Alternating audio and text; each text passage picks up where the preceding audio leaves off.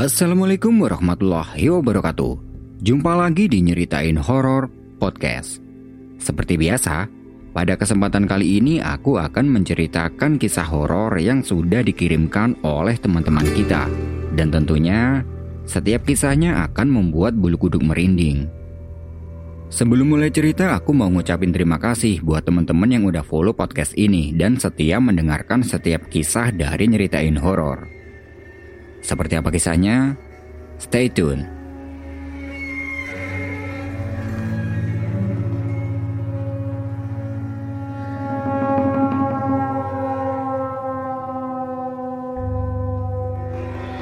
Pagi menjelang siang, Bu Anis ini sedang mencuci baju di belakang. Lalu, tiba-tiba dia melihat anaknya baru pulang dari sekolah. Dia tampak terburu-buru dan tidak lama kemudian, Fikri teriak kepada Bu Anis, katanya dia mau pergi main sama teman-temannya. Nah, mengetahui kalau Fikri ini belum makan siang, Bu Anis teriak untuk meminta Fikri agar makan dulu. Tapi, sepertinya teriakan itu tidak dipedulikan sama Fikri. Dia langsung aja cabut keluar rumah. Ya, namanya juga anak-anak kan. Jadi ya mau gimana lagi? Bu Anis membiarkan Fikri keluar sama teman-temannya. Setelah selesai mencuci baju, dia lanjut bersih-bersih rumah, nyapu, ngepel, dan segala macam. Jadi, Bu Anis ini adalah ibu rumah tangga. Nah, ketika sedang ngepel, dia mendengar di luar rumah ini ada anak-anak yang sedang teriak-teriak sambil lari-larian. Bu Anis mikirnya, Mungkin itu Fikri dan teman-temannya yang sudah mau pulang. Bu Anis lanjut ngepel, tapi ternyata dia tidak melihat Fikri pulang. Tidak ada rasa khawatir atau apa, karena memang Fikri sudah biasa main sama teman-temannya, dan paling lambat sore hari dia sudah pulang. Setelah selesai ngepel, dia mandi, dan karena ngantuk dia tidur siang. Sekitar jam 3 sore, Bu Anis ini bangun. Dan bangun-bangun, dia belum melihat Fikri pulang. Dilihat di kamarnya tidak ada, di depan TV juga tidak ada. Ini anak ke mana ya kok belum pulang? Malah belum makan lagi dari tadi pagi. Batin Bu Anis. Ya namanya juga ibu. Mengingat anaknya belum makan, pastilah khawatir sama keadaannya. Sore itu Bu Anis ini sedang nyapu-nyapu rumah sambil menunggu anaknya pulang. Tapi sampai selesai nyapu Fikri belum juga pulang. Di sini Bu Anis sedikit kesal. Ini anak sampai sore gini nggak pulang-pulang. Awas aja ntar kalau ketemu. Batinnya. Setelah selesai nyapu itu, dia pergi mencari Fikri. Ditengok di sekeliling rumah tidak ada. Di tempat dia biasa main juga tidak ada. Lalu, dia pergi ke rumah teman-temannya Fikri. Siapa tahu dia main ke rumah temannya. Beberapa rumah temannya didatangi, tapi tidak ada. Dan yang terakhir, dia pergi ke rumah Hamdan, teman dekatnya Fikri.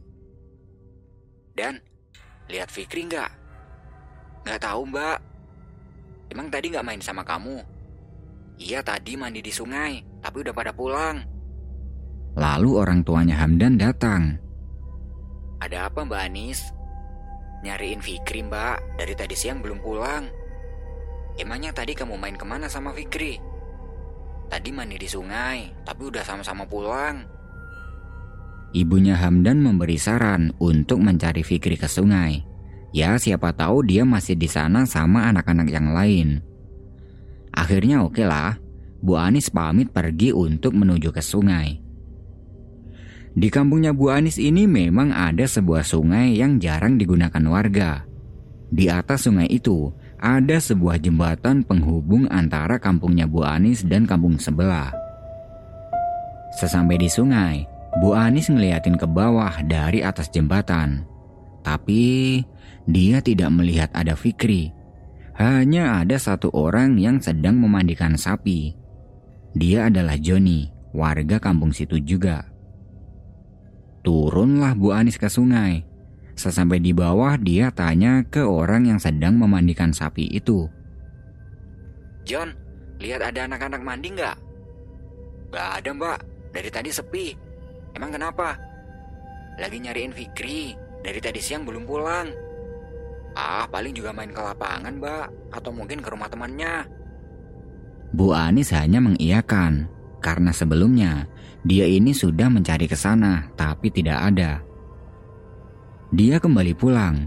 Sesampai di rumah, suaminya baru pulang dari kerja dan Bu Anis bilang ke suaminya kalau Fikri belum pulang dari tadi siang. Suaminya menanggapinya dengan tenang. Ya namanya juga anak-anak bu, paling juga main sama teman-temannya, ntar juga pulang. Kata suaminya.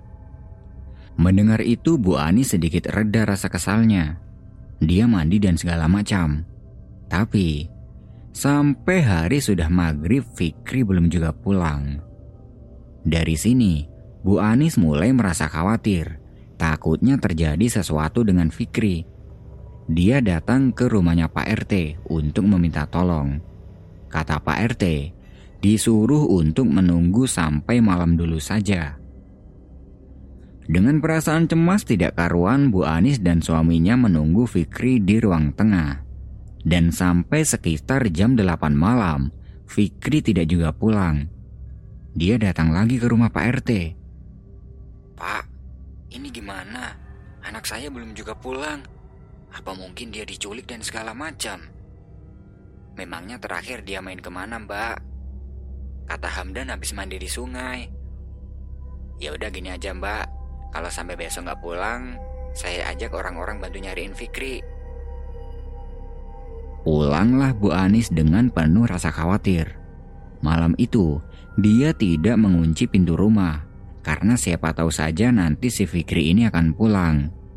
Tapi, sampai keesokan harinya dianya belum pulang. Pagi itu Pak RT mengambil tindakan. Dia menyuruh beberapa pemuda desa untuk mencari Fikri. Seluruh isi kampung mereka sisir, tapi hasilnya nihil.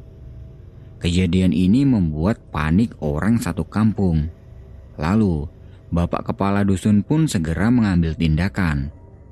Dia memberi pengumuman dari speaker masjid dan minta pada seluruh pemuda untuk ikut mencari Fikri ke sungai. Warga berbondong-bondong datang ke sungai dan menyisir sungai sampai sejauh 5 km. Sampai-sampai beberapa orang kampung sebelah ikut bantu mencari Fikri. Sampai seharian penuh semua warga tidak mendapat hasil apa pun. Fikri tidak ditemukan. Mengingat hari sudah menjelang petang, warga pada pulang dan berniat mencari lagi besok. Malam itu, Bu Anis dan suaminya ini sudah cemas tidak karuan. Dia sampai menangis karena takut ada hal buruk yang menimpa anaknya. Besoknya, warga melakukan pencarian lagi menyusuri sungai. Di titik-titik terdalam sungai diselamin karena takutnya Fikri ini tenggelam dan nyangkut di dasar sungai. Tapi alhasil tetap nihil. Fikri tidak juga ditemukan. Otaknya Bu Anis sudah blank. Sejak menghilangnya Fikri, dia tidak makan sesuap nasi pun karena selera makannya ini sudah hilang. Hingga akhirnya pemuka desa menyatakan kalau Fikri ini sudah hilang karena di bawah hantu kalap. Dan mungkin dia sudah meninggoy. Tapi meninggoynya di mana? Di mana jasadnya? Bu Anis masih belum bisa menerima kenyataan pahit ini. Para tetangganya pada berdatangan untuk menenangkan Bu Anis dan turut berduka cita.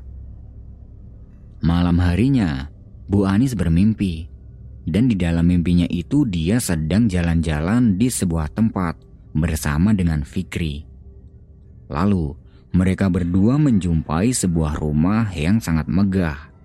Dan karena pintu pagar rumah itu tidak dikunci, Bu Anis dan Fikri masuk ke dalam rumah itu. Rumahnya ini benar-benar sangat luas. Ada taman bermainnya, ada kolam renangnya, dan segala macam. Nah, waktu itu Fikri ini mandi di kolam renang tersebut Di saat Fikri sedang asik-asiknya renang, Bu Anis menunggunya di tepi kolam sambil memperhatikan sekelilingnya. Ini rumah siapa ya? Kok gede banget? Batin Bu Anis. Tidak lama kemudian, dari kolam tiba-tiba Fikri bilang kepada Bu Anis. Bu, airnya seger banget. Aku betah tinggal di sini. Bu Anis meminta Fikri agar keluar dari air dan diajakin untuk pulang. Tapi Fikri ini malah menyelam dan tidak keluar lagi dari dalam air. Spontan, Bu Anis teriak minta tolong. Dan saat itu juga dia terbangun dari tidurnya. Ketika terbangun itu dia melihat suaminya sedang duduk bersama beberapa warga di teras depan mereka sedang membahas tentang menghilangnya Fikri. Terlihat jam dinding sudah menunjukkan pukul 2 dini hari dan mimpinya Bu Anis barusan itu masih terngiang di dalam kepalanya. Itu tadi pertanda apa ya? Apa mungkin itu pertanda kalau aku harus mengikhlaskan Fikri? Batinnya. Dia segera mengambil air wudhu dan melakukan sholat malam untuk meminta petunjuk. Hingga akhirnya Bu Anis ini sudah bisa menenangkan dirinya. Anak adalah titipan dari Tuhan, dan jika Tuhan ingin mengambilnya lagi, Bu Anis sudah ikhlas. Tapi yang dia minta ada satu. Kalau memang Fikri ini sudah meninggal, dia berharap agar jasadnya Fikri ini ditemukan agar bisa disucikan dan dimakamkan. Keesokan harinya, beberapa pemuda desa masih berusaha menyusuri sungai untuk mencari Fikri. Dan hasilnya tetap saja nihil. Fikri tidak ditemukan. Hingga akhirnya, nama Fikri diumumkan di masjid desa dan dinyatakan sudah meninggal dunia. Sore harinya, Warga pada berkumpul di rumahnya Bu Anis untuk melaksanakan yasin dan tahlil atas kepergian Fikri. Air mata sudah tidak terbendung lagi oleh Bu Anis dan sekeluarga. Di tengah-tengah kegiatan yasin dan tahlil itu, tidak ada angin tidak ada apa, tiba-tiba terlihat ada seorang anak yang memakai kaos merah. Dia sedang berdiri di depan pintu, yang tidak lain dia adalah Fikri.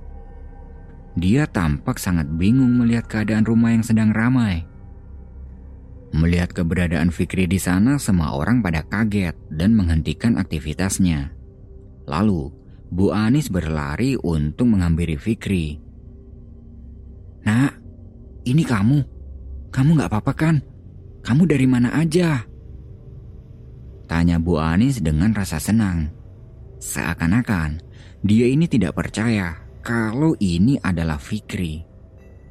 Dia memegang-megang badannya Fikri dan tidak ada luka sedikit pun. Semuanya normal. Loh, Bu, ini ada apa kok rame-rame di rumah? Tanya Fikri tanpa dosa. Bu Ani segera menggandeng Fikri untuk masuk. Kemudian Fikri ditanya sama ibunya, ke mana dia selama tiga hari ini dan kenapa tidak pulang. Di situ Fikri bercerita dan didengarkan banyak orang. Siang itu, dia sedang mandi di sungai sama teman-temannya. Ada lima orang yang sedang mandi, termasuk dia. Nah, ketika sedang seru-serunya mandi, mereka lima orang ini melihat ada ibu-ibu yang bajunya sangat kotor, rambutnya sangat panjang dan menggimbal. Wajahnya hitam bentol-bentol dan sedang berjalan menggendong bakul di tepi sungai. Melihat orang itu, anak-anak langsung keluar dari air dan mengambil pakaiannya masing-masing, kemudian kabur karena takut. Dikiranya itu adalah orang gila. Empat anak sudah berlari naik ke atas, tapi karena saking takutnya, Fikri tidak bisa ke mana-mana. Dia hanya menangis saja di dekat pakaiannya.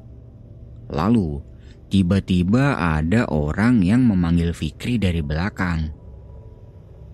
Le, kamu kenapa nangis? Nak, kamu kenapa nangis? Karena sepertinya Fikri kenal dengan suara itu, dia melihat ke belakang. Dan ternyata itu adalah Mak Ipung. Mak Ipung ini adalah warga kampung situ. Dia orangnya sangat aktif ke sawah. Mengetahui kalau itu adalah Mak Ipung, Fikri langsung tenang. Dia bilang, Itu mak, tadi ada orang gila. Udah gak ada orang gila, udah aku suruh pergi. Fikri lalu memakai pakaiannya. Lalu Mak Ipung bilang lagi, Ayo, pulang bareng emak.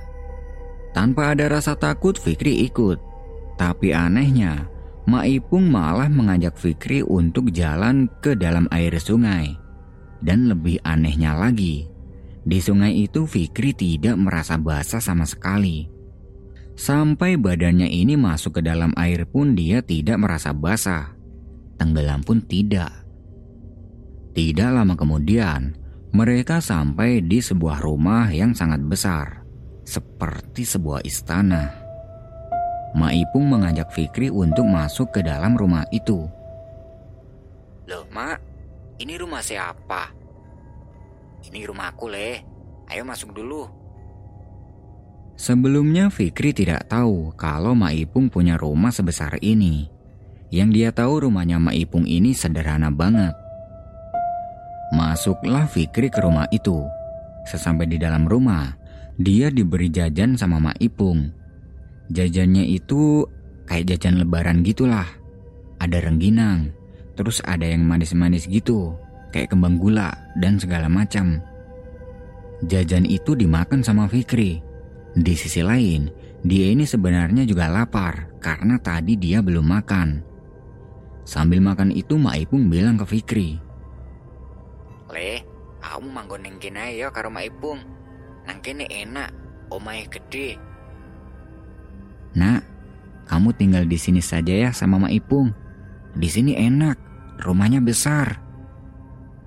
Nah, Fikri tidak mau. Dia menjawab begini. Enggak, Mak. Ntar aku dimarahin sama ibu. Oh, ya udah. Kalau gitu makan aja dulu ini jajan-jajannya. Habis itu tidur di sini dulu.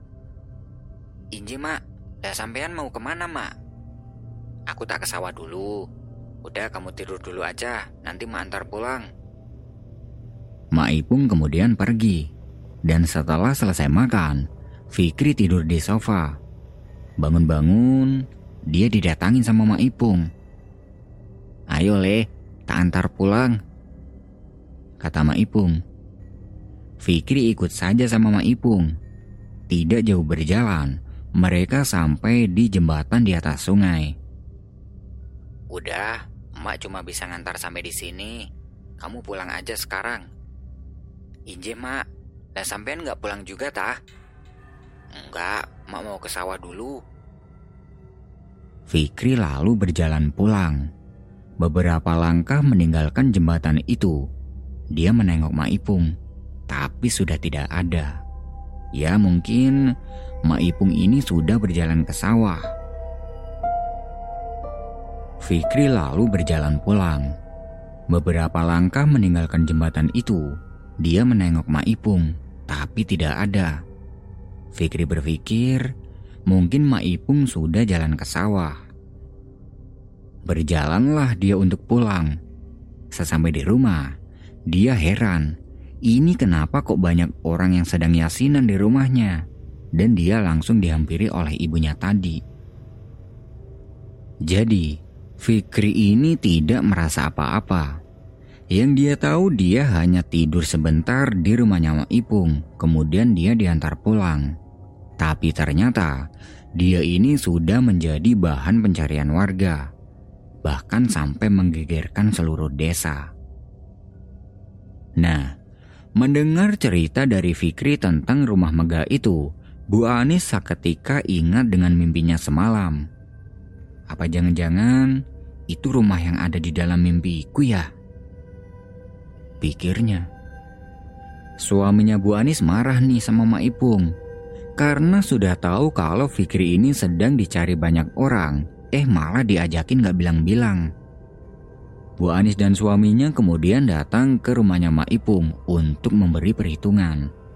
Sesampai di sana, dia marahin Mak Ipung nih. Mak, sampai ini gimana? Udah tahu kita nyariin Fikri nggak karuan malah diajakin main nggak bilang-bilang. Kata ayahnya Fikri.